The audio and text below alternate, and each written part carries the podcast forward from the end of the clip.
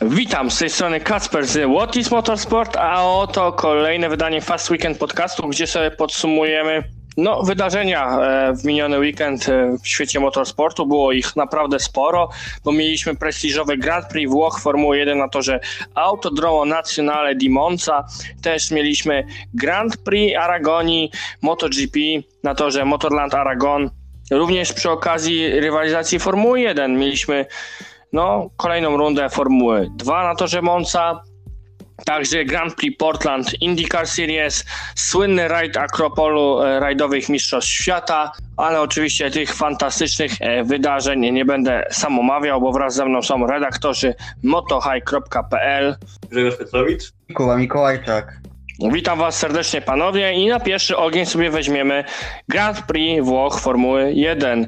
No tutaj e, troszeczkę było i kontrowersyjnie i ciekawie dla nas polskich kibiców, bo wiemy, że no, Robert Kubica startował po raz kolejny, drugi raz z rzędu, 99 start w jego karierze, zastępował ponownie Kimiego Raikkonena, który pauzował z powodu no, zakażenia się COVID-19.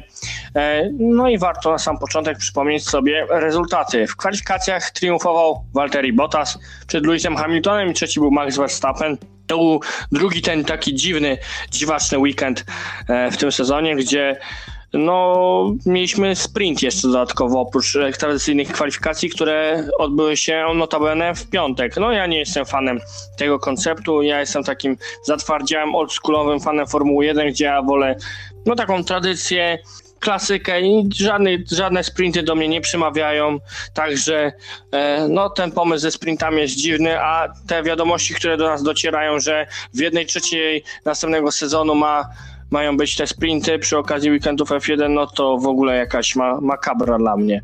Robert Kubica P19 w kwalifikacjach. W sprincie nie było już tak kolorowo dla Roberta, bo miał incydent z Yukim Tsunodą, przez co skończył na P18, zanim tylko Mick Schumacher sklasyfikowany, Pierre Gasly zaliczył niezłego dzwona. Kwalifikacje ten wyścig sprinterski, wyścig kwalifikacyjny zwyciężył Walteri Bottas, czyli po prostu przełożył swoje pole position na takie oficjalne pole position po tym sprincie. E, drugi Max Verstappen e, i top 3 uzupełnił Daniel Ricciardo. Tutaj warto sobie podkreślić dobrą formę McLarena, bo e, obydwoje zawodnicy tego zespołu przeskoczyli Louisa Hamiltona, więc no bardzo ciekawa sprawa i troszeczkę taka no, cicha sensacja, by można powiedzieć. Na pewno bardzo ciekawy fakt, jeżeli chodzi o ten weekend. Też e, Williamsy sobie poprawiły pozycję na starcie właśnie dzięki temu sprintowi. No i wyścig, wyścig, który owiał nam w potężną kontrowersję, jaka e, to była w postaci kraksy Maxa Verstappena i Louisa Hamiltona i dzięki czemu po, otworzyła ona furtkę na dublet McLarena. E, Daniel Ricardo przed Lando Norrisem. Podium uzupełnił Valtteri Bottas po karze dla Sergio Pereza, bo to Sergio Perez e, oryginalnie ukończył e, wyścig na pozycji trzeciej, jednak kara 5 sekund za no, track limits po prostu wykluczyła go z podium, spadł Czeko na pozycję piątą i dziesiątkę uzupełnili następująco. Czwarte miejsce Charles Leclerc, szóste Carlos Sainz Jr., siódme Lance Stroll, ósme Fernando Alonso, dziewiąty George Russell, kolejne punkty dla Williamsa i dziesiąte miejsce Esteban Ocon z Alpin. Robert Kubica skończył wyścig na miejscu 14, więc e, no nie najgorzej, no bo przed Mikiem Schumacherem, aczkolwiek e, no, w dalszym ciągu to była przedostatnia pozycja. Alfa Romeo naprawdę no, słaby wyścig, bo Antonio Giovinazzi mogło być lepiej, tak, ale e, no niestety perypetie po starcie sprawiły, że Giovinazzi, jak chwaliliśmy pewnie go po kwalifikacjach, do, do czego tym momencie przejdziemy, no to e, po wyścigu trzeba dać mu jednak troszeczkę e, hejtu, no bo Giovinazzi, no, skrzanił robotę, tak, dla swojego zespołu, no i właśnie krok po kroku plusy i minusy nasze Grand Prix Włoch e, Formuły 1 e, i zaczniemy sobie od Ciebie Grzegorzu. Kto na, według Ciebie na plus, a kto na minus? Grupowo McLaren. No nie ma, tutaj jest po prostu plus, za, za co no to wszyscy wiemy, no bo jednak e, ich weekend był fantastyczny, mieli świetną egzekucję strategii, praca u kierowców też była świetna, niezależnie od sytuacji. No i Daniel Ricardo się pozbierał, więc to jest y, ogólnie jest plus. Bottas też mega plus, no bo to jest chyba jego najmocniejszy w ogóle występ w sezonie. Jedno chyba z niewielu podiów w ogóle w tym roku. I naprawdę szkoda, że Bottas miał tą karę przesunięcia na starcie za wymianę y, jednostki napędowej, no bo mógł walczyć z nimi o prowadzenie, o, wy, o wygraną w Grand Prix Włoch. Skończyło się tylko na podium, ale no, biorąc pod uwagę to, że Bottas ruszał z końca stawki, to i tak jest naprawdę cud. Ferrari? Myślę, że chyba można powiedzieć, że im plus, no, zważywszy na to, że w drugim treningu Sainz zaliczył dzwona w Ascari, a Leclerc miał problemy zdrowotne, jeśli tak to można opisać, no to myślę, że myślę, że jak najbardziej też na plus. E, Perez, ja bym powiedział, że to jest jednak minus, jak e, nieraz staram się go gdzieś tłumaczyć oraz e, usprawiedliwiać pewnego, pewnego zachowania, to jednak w te weekendy no, no nie za bardzo się popisał, tak jest moje spojrzenie, tak ten performance nie był taki do końca i jeszcze to wszystko było zwieńczone karą 5 sekund za ścięcie toru, no dość takiej dziwnej sytuacji, która się no, powtórzyła zresztą z Perezem dzień wcześniej. To było takie dość kuriozalne, ale też jestem świadomy tego, że jednak to była dość taka skomplikowana sytuacja z punktu widzenia zespołu i może próbowali coś tam na tym ugrać. Skończyło się tą karą. E, dobrze, kto był poza pierwszą piątką? Poza pierwszą piątką Carlos Sainz, Lance Stroll, Fernando Alonso, George Russell i Esteban Ocon. No to myślę, że na plus Russell, no bo ogólnie za performance, tutaj nie ma co się rozpływać. Stroll, mimo tych wszystkich sytuacji na torze, w jakich on tam brał udział, w szczególności w pierwszej części wyścigu, no to jest takim cichym plusem, bo to jest chyba jego jeden z w ogóle lepszych występów w tym sezonie. To trzeba, to chyba trzeba mieć na uwadze, a właśnie wiele osób chyba ten występ pominęło. Ja uważam, że to jest y, jak na możliwości samochodu Astona Martina, to jest naprawdę plus, Alonso w punktach to też jest plus, zresztą y, warto tutaj zauważyć, że teraz y, Alonso, mimo że nie wygrał wyścigu w tym roku zamiast Okona, no to Alonso go przeskoczył w punktacji o tam, o te tam 5 punktów, więc y, no, jest Alonso troszkę takim y, Mister Consistency. I poza dziesiątką, no to jeszcze Latifi, no to myślę, że zgodnie z oczekiwaniami tak ani plus, ani minus, to jest tak neutralnie. I myślę, że też tak y, ani plus, ani minus można powiedzieć o, o Robercie Kubicy, który tak, no zaliczył taki dobry występ, jak biorąc pod uwagę to, że miał problemy w sprincie i musiał ruszyć z końca stawki. I jego start w głównym wyścigu też nie był łatwy, no to to jest tak, można powiedzieć, że jest, no jeśli weźmiemy pod uwagę to, że skoczył do bolidu dopiero no, tydzień temu, tak na, tak na, dłuższy, na dłuższy moment, no to to jest plus, ale no jakiś taki, że powiedzmy, to nie jest, to nie jest y, nie wiadomo co, ale można powiedzieć, że jest w miarę pozytywnie. No i Giovinazzi, no niestety szkoda tego, szkoda tej sytuacji na starcie w wyścigu, bo no do niedzieli było dobrze. Szkoda. No niestety Antonio sobie pokrzyżował dużo rzeczy tym startem, e, bo mogły być nawet fajne punkty dla niego. Tak. Jeżeli chodzi o minusy, to e, na pewno się zgodzimy o tej kraksie, ale najpierw bym chciał kierowca po kierowcy Kuba, jakie jest twoje zdanie? Czy się zgadzasz z Grzegorzem odnośnie McLarenów, Ferrari i Lansa Strolla? No na pewno największe po sobie zdanie Ricardo, który w końcu odnalazł się w bolidzie McLarena Nieco zawiedziony jestem, no może nie, że zawiedziony, ale tym, y, jak kombinował Rando Norris, żeby wyjść na prowadzenie, w sensie, czy kiedy pytał, czy aby na pewno to jest to miejsce, w którym mają być, gdyż liczył, nie, co, no co nawet było widać, że liczył na zwycięstwo, ale nie wyszło. Na minus na pewno y, kierowcy Hasa, którzy się zderzyli, no to tak naprawdę już było wiadome, że prędzej czy później do tego dojdzie, ale Nikt się nie spodziewał, że akurat y, podczas Grand Prix do tego dojdzie, kiedy już y, emocji dostarczyła nam sama kolizja pomiędzy Hamiltonem a Verstappenem. I na pewno na plus oczywiście Fernando Alonso. No Stroll poza tym incydentem z, Fete, z bodaj z Fetelem na pierwszym okrążeniu bardzo dobra jazda pokazał, że umie zapunktować. Ferrari myślę, że ponad stan y, zrobiło wyniki, gdyż jak wiemy Ferrari wciąż ma problemy z jednostką napędową, a tu zdołali powalczyć z Mercedesami i jak i jednym Red Bullem. Więc jeżeli chodzi o Ferrari, to naprawdę wielki. Też tutaj chciałbym się spytać, co sądzisz o występie Roberta Kubicy tutaj podczas Grand Prix Włoch? No, generalnie bardzo dobra jazda. Start miał dobry, uniknął kolizji jak dzień wcześniej z Sunodą. I no, naprawdę szkoda, że gdzieś w tej drugiej fazie wyścigu troszeczkę to tempo leciało, że najpierw minął go Sebastian Vettel, a potem Antonio Giovinazzi przez bodaj polecenie zespołowe, lecz generalnie występ na plus Roberta, gdyż nie odstawał tempem od rywali. No i teraz e, Dla mnie też plusem będą kierowcy McLarena. To absolutna sensacja, że aż tak byli w stanie dorównać tempem Red Bullowi i Mercedesowi. No i no, szapoba dla Daniela Ricciardo, który zachował zimną krew i zwyciężył w wyścigu. No ten Lando Norris też mi się nie podobał, bo Team Orders tak chciał dołki kopać pod Danielem Ricciardo. Nie udało mu się to.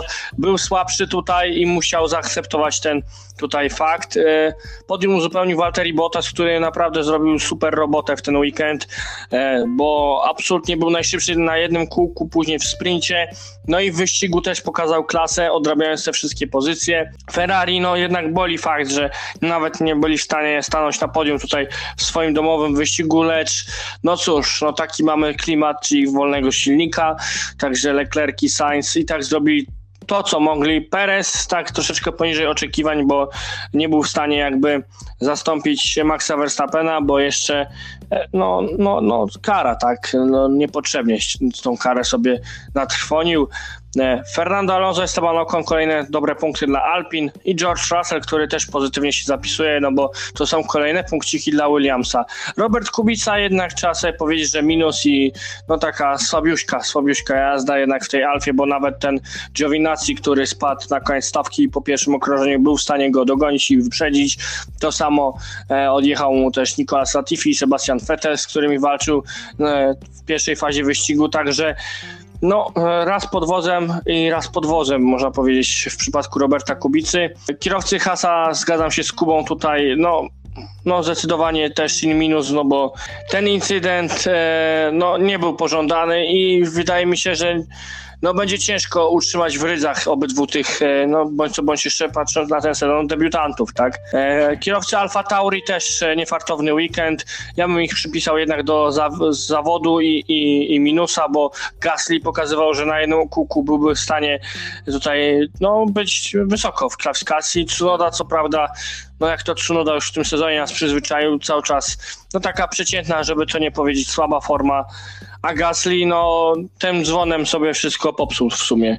E, jeżeli chodzi o Grand Prix Włochy. E, I przede wszystkim tutaj trzeba sobie poruszyć kraksę Verstappena i Hamiltona. Dla mnie e, zachowanie obydwu kierowców jest in minus i po prostu ja bym jednemu i drugiemu przypisał e, minus, a moja taka niepopularna opinia jest nie, że jest wina jednego z nich, tylko że to jest był racing incident tak zwany i wina leży po obydwu stronach, bo jeden mógł zrobić więcej miejsca, drugi mógł teoretycznie się nie wpychać, ale koniec końców się skończyło kraksą, także no po prostu dla obydwu minus i dla mnie nie powinno być kary dla Maxa Verstappena. Przy następnym Grand Prix, lecz powinno być to uznane jako racing incident.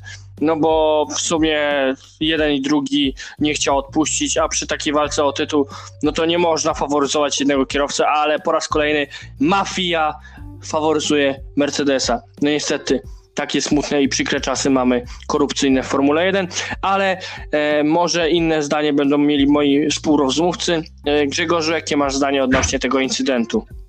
E, to jest tak, twoja opinia, którą uważasz nie popularną, nie jest tak, aż tak niepopularne, bo naprawdę sporo kibiców czy dziennikarzy też się, też się podpisze pod tym, że to jest y, Racing Incident.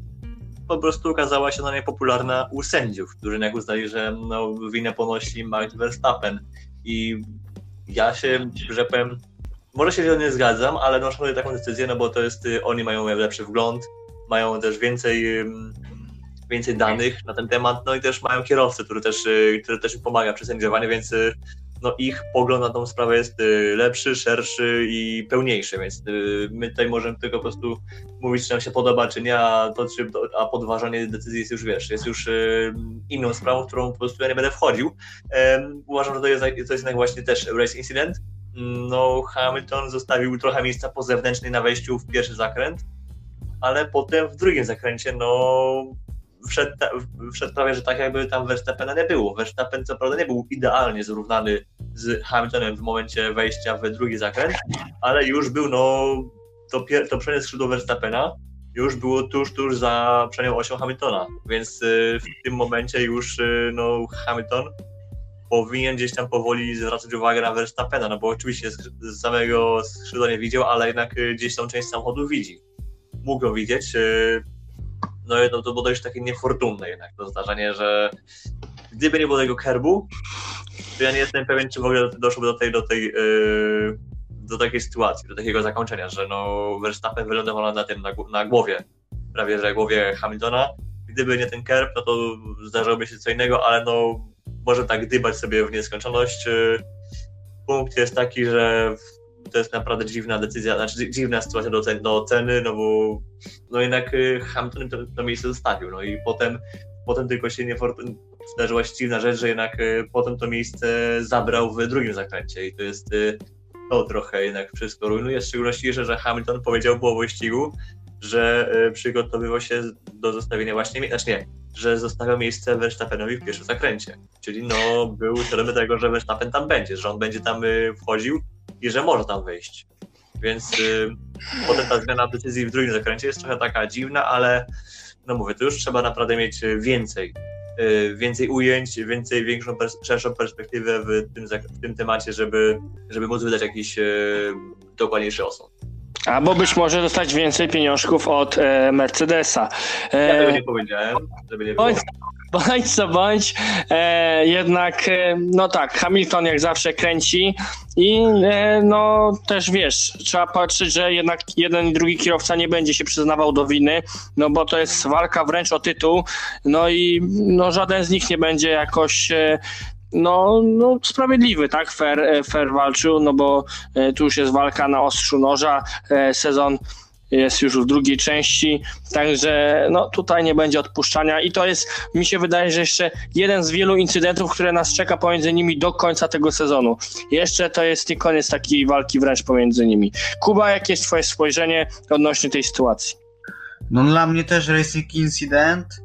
No w sumie wy to wszystko podsumowaliście i powtórzę to, co Grzegorz powiedział, że gdyby nie ten kerb, gdyby nie ta kiełbaska popularna, to do tej kolizji by nie doszło. I to jest największy mankament Formuły 1, że mamy takie, a nie inne krawężniki. Znaczy- Y, Przepraszam, tak przerwę, że może, byłby, może byłaby kolizja, ale po prostu nie byłoby, y, że powiem, lądowania dachu na tym, na Hamiltonie, że może by się y, zetknęli i na pewno by się zetknęli, no bo zetknęli się i tak, tylko po prostu y, finisz y, tej sytuacji byłby inny i raczej by nie lądowali obaj y, poza torem. Może byłby kontakt, no, że byłby wyjazd na żwir połową samochodu, ale no, prawdopodobnie nie byłoby ten, nie byłoby DNF-u do obydwu samochodów. No wszystko jest możliwe, tak czy inaczej kerb mocno skomplikował sytuację. No i teraz warto sobie przyznać tytuł Driver of the Weekend. Kto według e, Was tutaj zasłużył sobie na miano kierowcy weekendu w Formule 1? Ode mnie poleci Daniel Ricciardo, bo naprawdę zrobił super robotę w ten weekend i bezapelacyjnie jest e, najlepszym kierowcą w ten weekend. Wiem, że Valtteri Bottas też robił swoje, ale Ricardo naprawdę tu trzeba e, podbić go jeszcze bardziej, bo odzyskał chłopak formę, dyspozycję i chyba pewność siebie po tym zwycięstwie, bo wcześniej cały sezon nie był taki już zbytnio uśmiechnięty, tylko ciągle przybity, tak nietypowo dla niego, a teraz w końcu no odgryźć się za te wszystkie niepowodzenia do tej pory w tym sezonie. No ja też powiem, że Ricardo no, w kontekście właśnie całego sezonu to jest naprawdę występ nie była ziemia, chociaż no, mógł już wygrać na Węgrzech i tam też, no gdyby nie to, że znalazł się w takim, a nie innym miejscu w tamtym wyścigu, no to też by, wynik byłby inny i już wtedy mógł wygrać, ale ważne, żeby grał dziś. No to jest y, w kontekście całego, całych tych trudów, jakie ma w McLarenie w, w adaptacji do tej maszyny, to jest naprawdę boski występ. No, powiedziałbym, że Bottasowi należy taki honorowy jeszcze driver, driver of the weekend, no bo naprawdę Bottas tym startem, tym, no, tymi kwalifikacjami, sprintem oraz y, przebijaniem się z końca stawki w głównym wyścigu zrobił robotę i to trzeba wyróżnić.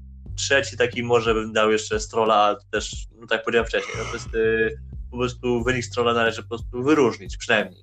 I Kuba, kto według Ciebie jest kierowcą tego weekendu w Formule 1? To gdybym miał wymieniać taką trójkę, to Ricciardo, Bottas, to już było powiedziane czemu. Wspaniała robota, a także Bottas pokazał, że potrafi cisnąć, wbrew pozorom, kiedy już e, pewien pan odpadnie z wyścigu, za co wielkie pochwały dla niego. A trzecim kierowcą, którego bym dał takie miano jest Charles Leclerc. No gdyż ogólnie wiemy, że Ferrari nadal ma problemy z silnikami, a na takim torze, gdzie te jednostki napędowe dos- dostają w kość, potrafi wyczarować czwarte miejsce. I przechodzimy teraz do rywalizacji Formuły 2. Tutaj e, naprawdę się działo co niemiara, bo rywalizacja też jest tutaj na ostrzu noża, jeżeli chodzi o tytuł. No i też sporo incydentów było choćby w wyścigu pierwszym, gdzie no, jeżeli dobrze pamiętam i liczę, to cztery razy była neutralizacja, no coś niebywałego. E, ten wyścig zwyciężył Tio Purcher przed e, Guan Yu i Christianem Lundgardem, więc dwójka z ART Grand Prix na podium była tutaj. Też warto sobie tutaj zauważyć świetną postawę Roberta Schwarzmana, który się przebijał. E, koniec końców pokaże, został sklasyfikowany na szóstym miejscu. E, wyścig numer dwa. Tutaj zwycięstwo dość nieoczekiwane Jehana Daruwali, e, drugi Ben Wiskal i trzeci Robert Schwarzman. Kolejny fantastyczny występ zawodnika Premy. Też Liam Lawson sobie dobrze poczynał, bo tutaj P4 w wyścigu numer dwa. E, główni rywale o tytuł, czyli Piastri i Żu, no to tam pojedynkowali się o pozycję siódmą, ostatecznie Piastri przed Żu w drugim wyścigu. No, e, drugi wyścig też się nie obył bez incydentów, bo też w nim były incydenty. Tak samo jak w wyścigu numer 3, który chyba jednak e, ten wyścig główny był nie wiem, czy się ze mną zgodzicie, ale taki najspokojniejszy, jeżeli chodzi o Formułę 2. Tutaj zwyciężył Oscar Piastri przed Guan Yu i Danem Tiktumem. E, też e, Schwarzman po raz kolejny się fajnie przebijał. E, Tio Purcher też ładna czwarta pozycja. No i koniec końców prowadzenie utrzymał Oscar Piastri w generalce przed Guan i Robert Schwarzman, który troszeczkę się zaczyna przybliżać, aczkolwiek po tych kwalifikacjach no niestety miał troszeczkę przekichane w wyścigach, ale imponował tym, że potrafił się przebijać w każdym z nich. Także e, z pewnością dla mnie to jest e, bohater weekendu, jeżeli chodzi o F2. A Kuba, jakie jest Twoje zdanie o tym weekendzie na Moncy i kto według Ciebie był takim bohaterem weekendu w F2? No a więc y, weekend rozpoczął się z grubego C już przed właśnie rywalizacją, gdyż doszło do zamiany miejsc w kilku zespołach. Dawid Beckman opuścił ekipę Karus i przeniósł się do zespołu Campus. Z kolei czeska ekipa zakontraktowała Enzo Fittipaldiego, aby zastąpił Niemca.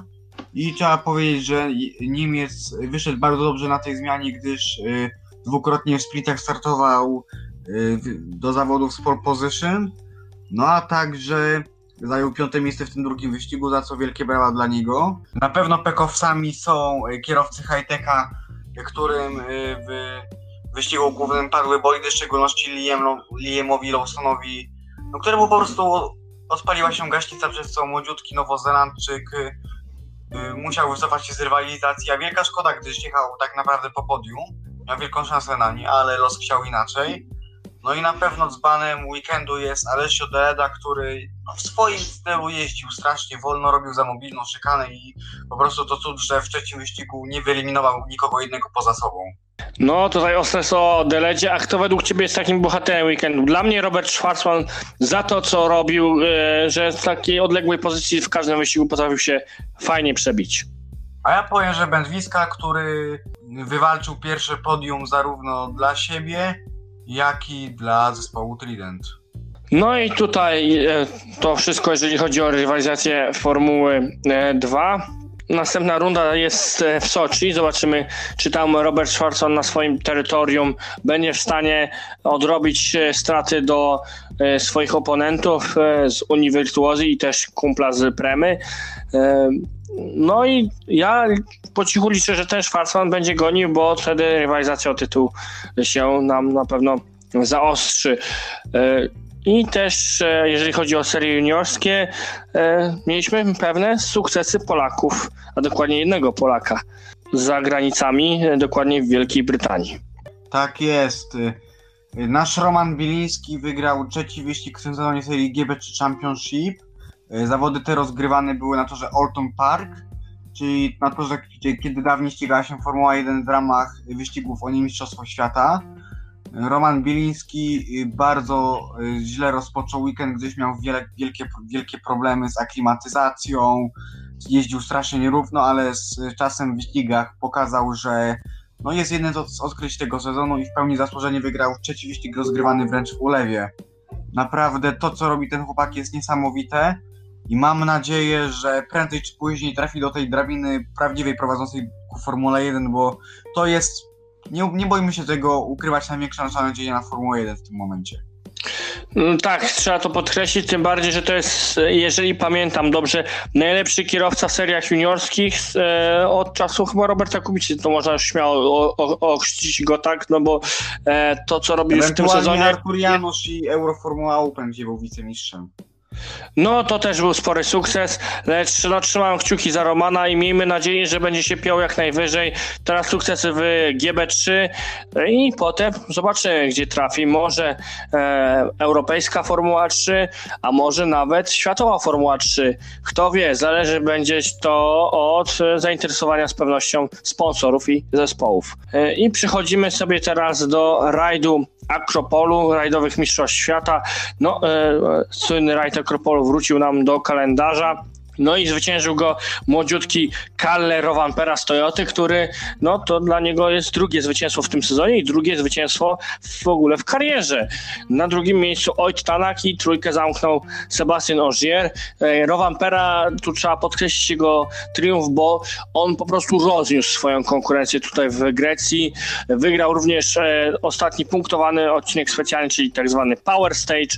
No e, naprawdę, pokonując takich tuzów jak Tanak czy Ogier, no to no, czapki z głów.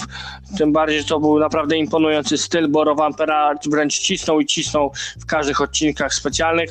Próbowali też tak cisnąć Elfin Evans i Thierry Neville, którzy byli trapieni problemami technicznymi swoi, ze swoimi samochodami, lecz e, no, stać ich było tylko na szóste i ósme miejsce. E, Evans i Neville też e, zwyciężali pojedyncze OS-y, lecz no, no, no, na nic się zbytnio wiele to zdało, bo straty do Oziera są już dość spore. Ozier się powolutku, powolutku zbliża do kolejnego tytułu mistrza świata dla siebie. Kajetan Kajetanowicz P11.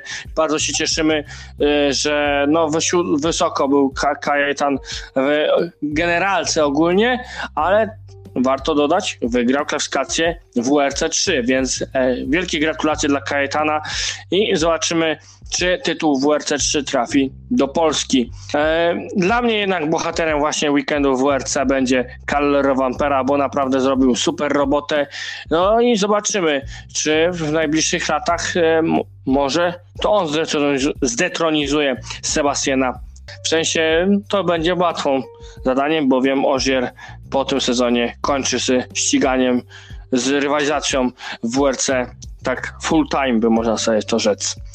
Przechodzimy teraz za ocean, gdzie mieliśmy Grand Prix Portland IndyCar Series i no tutaj też się sporo działo i mamy powrót na prowadzenie e, pewnego Hiszpana, Hiszpana z Chip Ganassi Racing, Alex Palou po triumfie tutaj właśnie w Portland wraca na czoło stawki, wyprzedzając generalce Patricio Warda.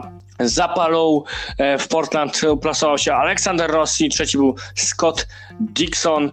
E, No też niestety pechowy występ Kaluma Ailota, znanego nam dobrze ze serii juniorskich w Europie, gdyż kierowca juniorski Ferrari nie ukończył swojego e, wyścigu z powodu no, technicznego, tak, e, złośliwość rzeczy martwych.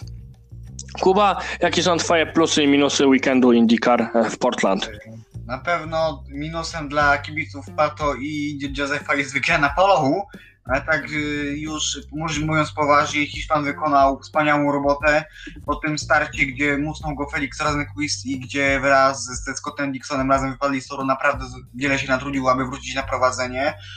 Minusy to są Roman Grożan, który znowu włączył swój tryb od połowy z Formuły 1 i skasował niemal półstawki w pierwszym zakręcie. Eliu Castroneves powiedział, że po prostu zrobił to jak torpeda. I naprawdę tam y, ta sytuacja z Górzalnym wywróciła po, początkowe wyniki do góry nogami. Znikąd właśnie Ailot znalazł się w czołówce, który w pewnym momencie jechał na granicy czołowej dziesiątki. Dalton Kellett także kręcił się wokół pierwszej dziesiątki, co jak wiemy graniczy z cudem. Więc to naprawdę Grożan znowu naro- namieszał. Minus to jest Simon Pażno, który zderzył się ze swoim kolegą zespołu Willem Powerem i tak naprawdę przekreślił szansę na wygraną Patricio Wardowi przez wywołanie samochodu bezpieczeństwa. Owszem. No, I ta zbinala, piękna, no niestety. E, E, Simon Paż, no, no ja go nie poznaję w sumie Kuba, bo on wcześniej e, był kierowcą e, no, ścisłej czołówki, gościem, który potrafił wygrywać na przykład w ciężkich warunkach pogodowych, bo na przykład w opitnym deszczu potrafił zwyciężać wyścigi na przykład czy to w 2018, czy też w 2019 roku. No gość, który zazwyczaj się nam kojarzy z walką o tytuł, a w tym sezonie jest kompletnie do niepoznania, bo no, Paż no, bardzo dużo błędów w tym sezonie popełnia. To prawda, jak nie ona, Francuz tak naprawdę w USA ściga się od 2006 roku, więc to jest szmat czasu i zawodnik z takim bagażem doświadczenia nie powinien po prostu robić takich rzeczy. No niestety wielkim pechowcem tutaj jest Pato Award, któremu, tak jak wspominałeś tutaj, ta neutralizacja była nie w ząb i no, pokrzyżowała jakiekolwiek plany na dobry rezultat w tym wyścigu. E, Felix Rosenquist, e, czyli ten, ta lepsza połowa McLarena w tym wyścigu P6, pomimo tego incydentu na starcie wyścigu, e, Felix naprawdę się świetnie prezentował i miejmy nadzieję, że to jest zwiastun być może no, lepszej formy Szweda. Myślę, że tak. Poza tym błędem na pierwszym zakręcie, gdzie wraz z Grożanem na sporo namieszali, jechał solidnie. No i może zespół McLarena zobaczył, że y, na tym etapie mistrzostw przyda się Wordowi wsparcie i dlatego wzięli się również za Szweda. Gdyż nie ukrywajmy, w takich y, sytuacjach lepiej mieć tak jak Chip Ganassi Racing czy Team Penske dwóch zawodników z przodu, by ten słabszy, teoretycznie gorszy zawodnik mógł w razie czego przepuścić tego lepszego i żeby po prostu, y, tak jak w tym wypadku Award mógł nabić punkty. Tego zabrakło y, w Portland, lecz zobaczymy jak to się potoczy na Laguna Seca. Oj tak, tam będzie bardzo ciekawa rywalizacja, która nas czeka już w najbliższy weekend. W ogóle teraz nas czeka maraton z IndyCar Series, bo do końca sezonu teraz tydzień w tydzień mamy rywalizację. E, no i zobaczymy, kto zatriumfuje. Ostatecznie na razie e, w notowaniach wysuwa się nam na czoło Alex Palou, no bo ponownie jest liderem generalki. Zobaczymy, czy Award albo New Garden, może nawet Scott Dixon, może ktoś z nich właśnie dopadnie Alexa Palou, e, no bo już e, później patrząc w dół generalki, no to straty są zbyt duże, żeby ktokolwiek inny miał powalczyć z Hiszpanem z Barcelony no, o tytuł mistrza IndyCar w tym sezonie. No tak naprawdę szanse matematyczne już ma tylko ta wielka czwórka, czyli Palou, Howard, New Garden, Dixon. Ericsson odpadł, znaczy Ericsson ma, ale tak naprawdę no nie, nie wierzę, żeby 75 punktów odrobił w przeciągu dwóch weekendów. To Palo, on by musiał wszystko wygrać, a Palou nie ukończyć żadnych wyścigów i to samo tyczy się reszty, więc tak naprawdę mamy podobną sytuację z Formułą 1 w 2010 roku, kiedy też do końca o tytuł się biło czterech kierowców, czyli Vettel, Alonso, Weber i Hamilton, lecz tak naprawdę Hamilton nie miał już szans, gdyż po prostu musiałby wygrać ostatni wyścig sezonu, a Alonso nie, nie, nie zdobyć ani jednego punktu. Tutaj mamy to samo, tylko że w wersji IndyCar z Ericssonem. No i to byłoby na tyle, jeżeli chodzi o IndyCar Series. Za tydzień pewnie też będziemy sobie dyskutować o IndyCar Series, no bo czeka nas emocjonująca końcówka tego sezonu. No i teraz przechodzimy do świata MotoGP. Tutaj Grand Prix Aragonii i tak jest, moje wielkie włoskie serce się bardzo raduje, bowiem w końcu, nareszcie, nareszcie mamy to. E, fani Ducati, zwycięstwo Francesco Baniai, pierwsze w karierze. No, doczekał się nam tego Włoch. No, był pechowcem. Trzeba to sobie powiedzieć, że często albo psychicznie nie wytrzymywał, albo jego opony nie wytrzymywały. Teraz nareszcie Peko odnosi zwycięstwo też sporo odrabia w generalce, bo to już prawie sięgało 70 punktów przed wyścigiem w Aragonii. Koniec końców jednak Baniaja odrabia i ma tylko 53 punkty straty do Quartararo. W dalszym ciągu to jest no, dość spora zaliczka na korzyść El Diablo, lecz no, Baniaja daje cynk, że jest jeszcze gotowy ewentualnie do jakiejś tam może walki o tytuł, aczkolwiek tak jak chyba ostatnim razem, jak dyskutowaliśmy sobie o MotoGP z Grzegorzem, no to, to już nie jest pytanie, czy będzie tytuł dla Fabio Quartararo, tylko pytanie, kiedy będzie ten tytuł dla Fabio Quartararo w tym roku, no bo e, Francuz, powiedzmy sobie szczerze, no ma sporą przewagę i nawet przy takim słabszym występie to Quartararo w dalszym ciągu inkasuje sporą zaliczkę i sobie tą przewagę jakoś utrzymuje.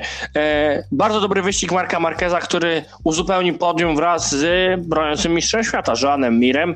Później dziesiątkę cały czas się tutaj cofam do Formuły 1, 15 punktowaną uzupełnili następująco Aleix Spargaro, Jack Miller, Enea Bastianini, dla którego to jest najlepszy wynik w karierze w MotoGP, Brad Binder, Fabio Quartararo, Jorge Martin, Takaki Nakagami, Iker Lekuona, który ten wynik P11 taki, no koniec końców lekko zawiódł, bo Lekuona tam w trakcie wyścigu był na wyższej pozycji i była nadzieja na zdecydowanie lepszy rezultat.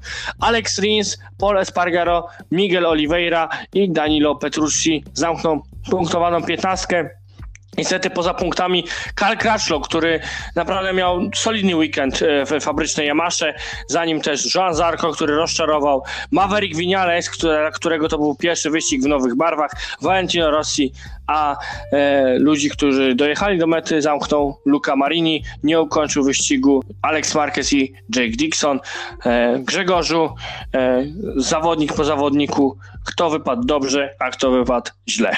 No to tak. Po pierwsze, pierwsza trójka, bym powiedział czwórka, no to wypisa, spisała się fantastycznie. Peko Bania w końcu przełamał swojego pecha, bo nieraz pokazał już tempo i czy to w Moto3, w Moto2, czy to na pramaku w MotoGP, czy teraz na fabrycznej maszynie pokazał tempo, ale tak jak powiedziałeś, nieraz brakowało kropki i brakowało szczęścia, brakowało nawet y, chłodniejszej głowy, no bo rok temu była cała ta seria uślizgów przodu, która mu zabrała sporo punktów rok temu i w końcu udało się to wywalczyć i to jeszcze na, na tak trudnym torze dla, dla Ducati, którym, no, na którym Ducati wygrało do tej pory tylko w roku 2000, czyli w pierwszej edycji tego wyścigu. Tak, Casey teraz Stone. widać, że- Teraz widać, że wygrał właśnie, y, to jest, to jest pierwsze zwycięstwo od, od Stonera, to raz, dwa, że y, Miller jest piąty, to już jest naprawdę dwa Ducati w pierwszej piątce na tym torze, to dla mnie już jest szok. Nie, Grze, Grzegorzu, dla mnie Miller na tym piątym miejscu i tak jest to rozczarowanie, bo to, co ono odstawiał w wyścigu, to była jakaś makabra. Ten na przykład wyjazd szeroki, to, to po prostu było zaproszenie do tańca wręcz były Mira i no. Kolejne błędy Jacka Millera cały czas.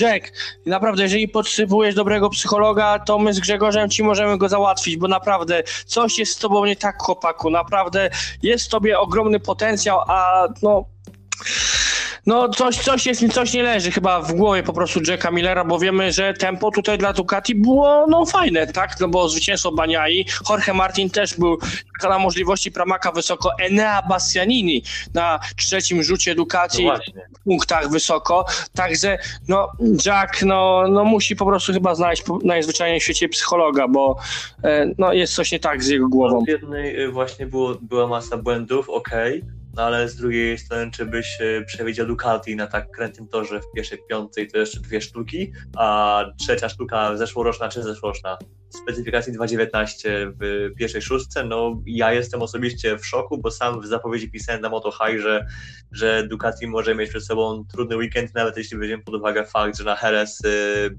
byli byli tuż za Quartararo. Y, Na tempie oczywiście był dublet, ale no, y, gdyby nie problemy Quartararo z pompującym przedramieniem, to, no to raczej Miller by nie wygrał na, na Jerez, też, y, też nigdy nie wiadomo, ale no, jak dla mnie Ducati jest mega plusem i bardziej minusem niż Miller jest dla mnie jednak Marini, który no ledwie przywiózł punkty i to jest okej, wiem, że jest debiutantem, wiem, że jest jeździ na maszynie bez, bez wsparcia, ale jednak no Bastianini na tej samej maszynie robi niesamowite wyniki. No to jest szóste miejsce i to jeszcze e, wejście do Q2 bez pomocy, bez, bez udziału Q1, no to ja jestem w szoku. Naprawdę bestia rozjeżdża. Po prostu e, nie, mam, nie wiem co powiedzieć.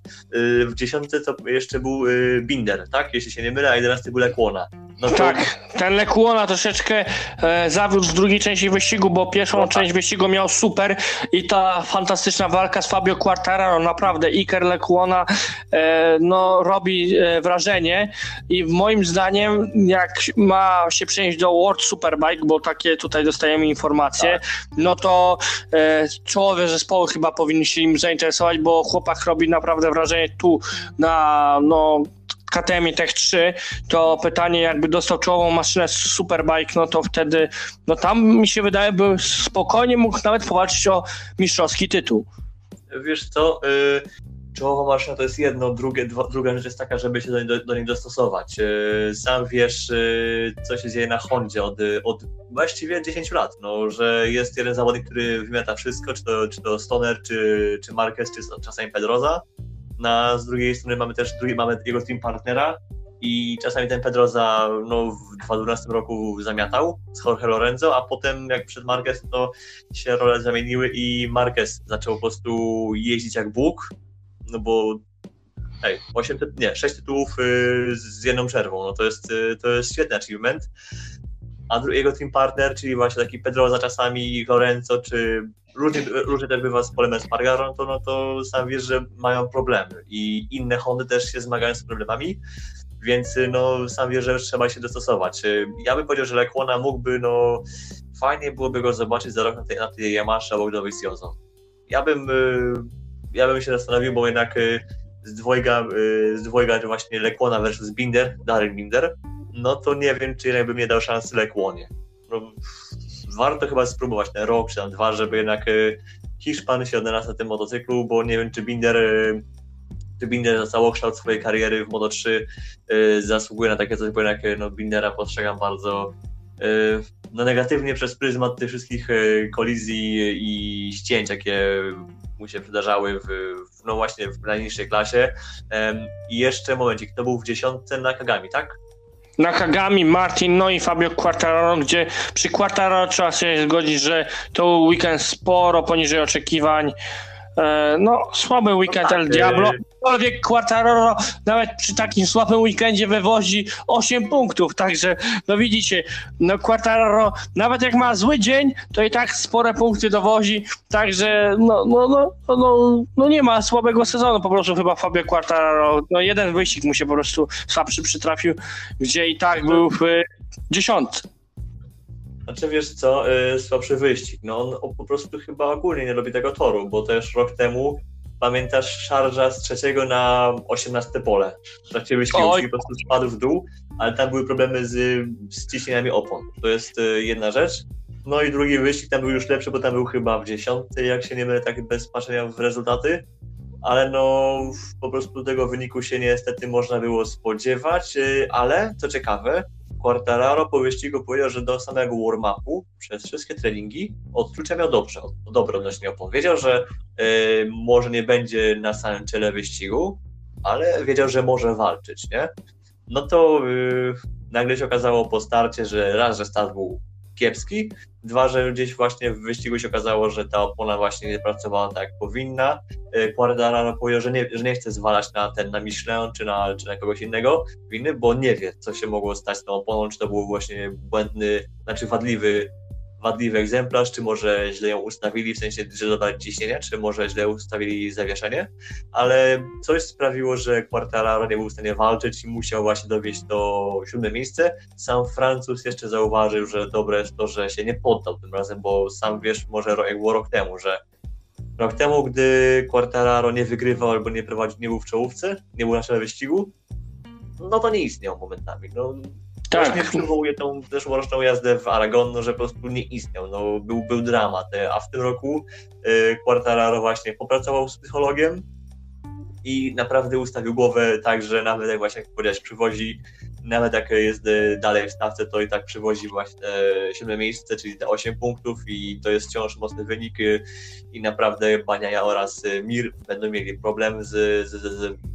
no, dogonieniem Quartararo, no bo matematycznie mogą go dogonić, ale no, w praktyce to może być już, yy, znaczy już, może być trudniejsze niż się wydaje, ale jeszcze gdzieś tam jest wykonalne, co do właśnie tego, tego bania i no to też okej, okay, yy, świetny występ, ale Mir też pozbierał się po Silverstone, gdzie Silverstone był tam zaledwie w punktach i tamten występ był w ogóle dramatyczny, trudny, znaczy też tam były problemy z oponami i też się podniósł, więc yy, okej, okay, walka o tytuł może być już yy, może być, być już za nami, może być już y, po wszystkim, no ale nawet jeśli no to i tak mamy walkę o drugie miejsce i tam właśnie Baniaje oraz Mira rozdzielają cztery punkty.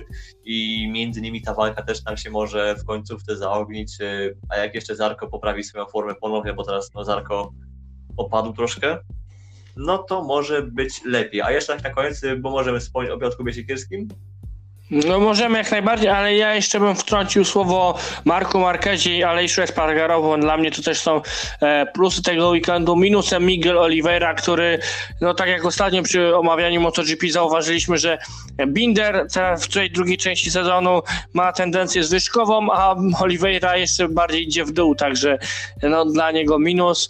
E, I minus e, tutaj w ogóle za cały sezon i ja bym w ogóle dzbana mu dał. To jest jeden z większych dzbanów ostatnich lat Maverick Vinales, bo ja się śmiałem, jak Karl Kraslow po prostu jechał fajnym tempem przed nim, a Maverick Vinales na tej Aprili, no jeszcze szuka siebie, tak, bo to jest dopiero pierwszy Grand Prix na nowym motocyklu, ale zmiana z fabrycznej Yamahy, która jest no, fajnym motocyklem, mo mogącym walczyć o regularnie zwycięstwa, o tytuł mistrzowski, zmienia na coś nieobliczalnego w postaci Aprili, gdzie w sumie Aprilią to tylko umie się obsługiwać Aleix Espargaro, no to trzeba sobie nazwać, że rzucił się na głęboką wodę e, i wyszedł ze strefy komfortu z pewnością. Jest to bardzo kontrowersyjny zawodnik i dla mnie no, e, no dziwna decyzja.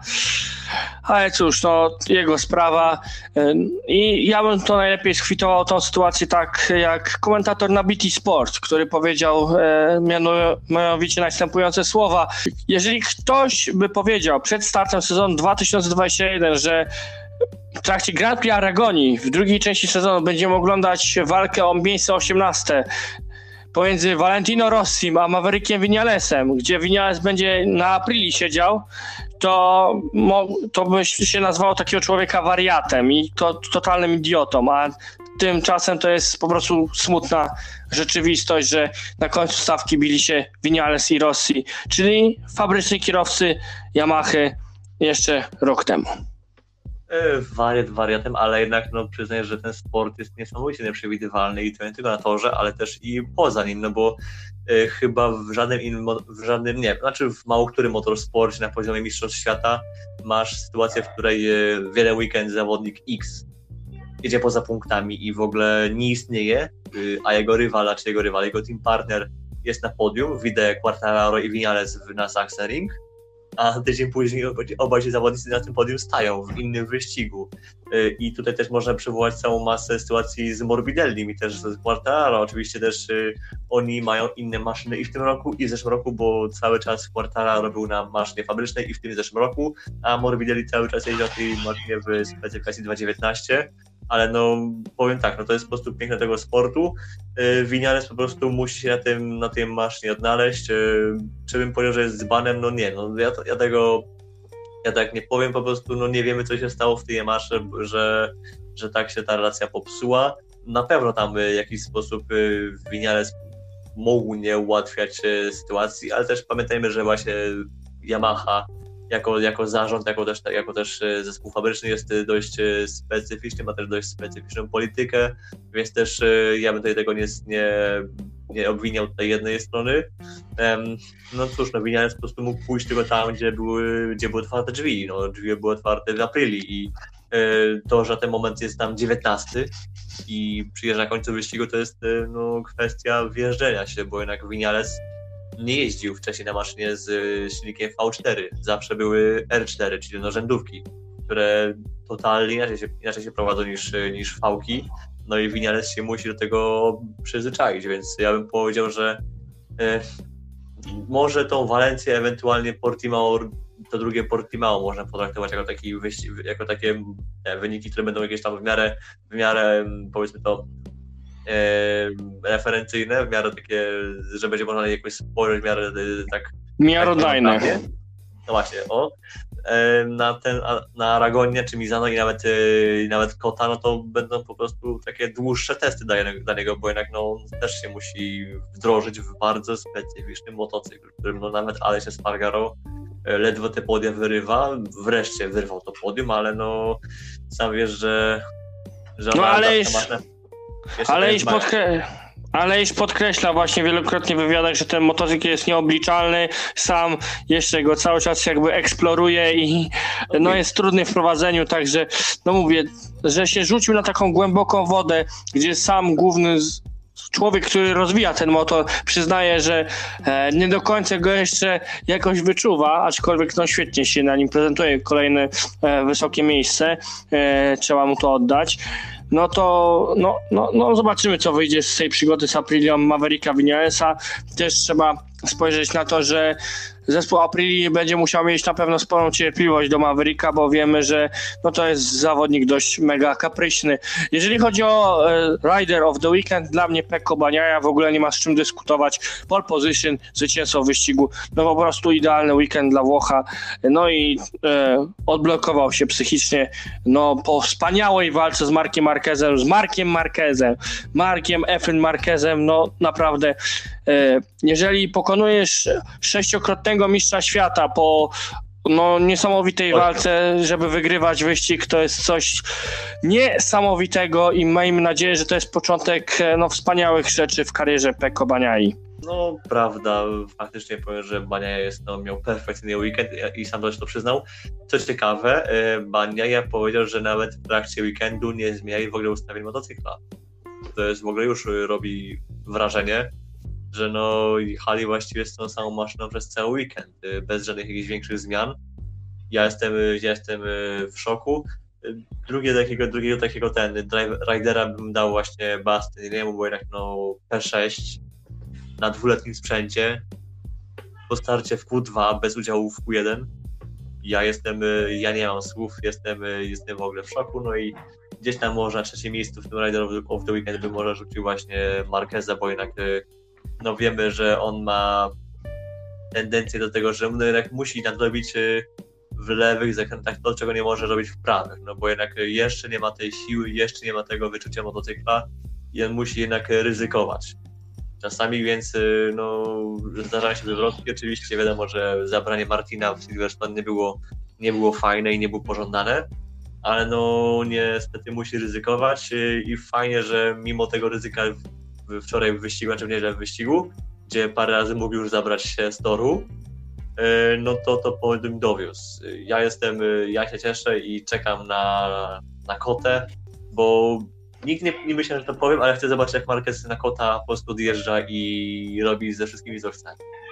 No też wiesz, e, Marquez tutaj to był stary, dobry Marquez, bo on walczył do ostatnich zakrętów z Peko Baniają. To był ten Mark Marquez, którego my chcemy oglądać, także no super, super wyścig w jego wykonaniu. E, no i teraz e, kwitując nasz Fast Weekend podcast, jak zawsze wyścig weekendu. Dla mnie tym najlepszym wyścigiem weekendu było bądź co bądź rywalizacja w pierwszym wyścigu Formuły 2. No tam to się dział kosmos, był nadmiar niby neutralizacji, aczkolwiek no super, super się tam działo. Też wyścig MotoGP był mega imponujący. Formuła 1 mogła być dla niektórych emocjonująca, dla mnie jednak miała jeden solidny moment e, a potem po prostu monotonia, tak, bo aż wielu wyprzedań nie było. E, jaki wyścig weekendu waszym zdaniem był najlepszy? który polecacie? To jest tak, jeśli chodzi o walkę, no to MotoGP slash Moto3 i IndyCar w Portland, no to to jest taka, to jest, to jest taka czołówka i Ale inaczej to ciężko go wskazać. Nie, nie masz jednego? No, powiem tak, no finish Moto3 był naprawdę niesamowity, ale też MotoGP też było cudownie, a Portland, no to na tyle ile obejrzałem, to naprawdę IndyCar na mnie zrobiło wrażenie. Więc yy, powiedzmy, że i MotoGP jest pierwszym. Kuba, jaki według Ciebie jest e, najlepszy wyścig e, minionego weekendu? GB3 w deszczu, to co Ci wyprawiali, trzeci wyścig, to co Ci wyprawiali zawodnicy młodzi w tych zawodach przechodziło ludzkie pojęcie, nie tylko Bilicki jeździ, jechał tak pięknie, jeździł również Lubin, no naprawdę można by wymieniać, piękna jazda i młodzi pokazali, że deszczu się nie boją. Czyli tutaj e, takie tutaj puszczenie oczka w kierunku Formuły 1, że nie boimy się jazdy w deszczu e, względem tego, co mieliśmy, tego cyrku w tym sezonie na Spa Francorchamps. No i taką tutaj puentą kończymy Fast Weekend Podcast w tym tygodniu. Oczywiście tych niesamowitych wydarzeń nie omawiałem sam, bo wraz ze mną byli redaktorzy motohaj.pl Grzegorz Piotrowicz i Kuba Mikołajczak. Dziękuję wam serdecznie panowie. Oczywiście zapraszam na stronę motohike.pl, do której link znajdziecie w opisie, na social media Otis Motorsport, do których link również znajdziecie w opisie, a tymczasem ja byłem Kacper z Otis Motorsport i do szybkiego usłyszenia.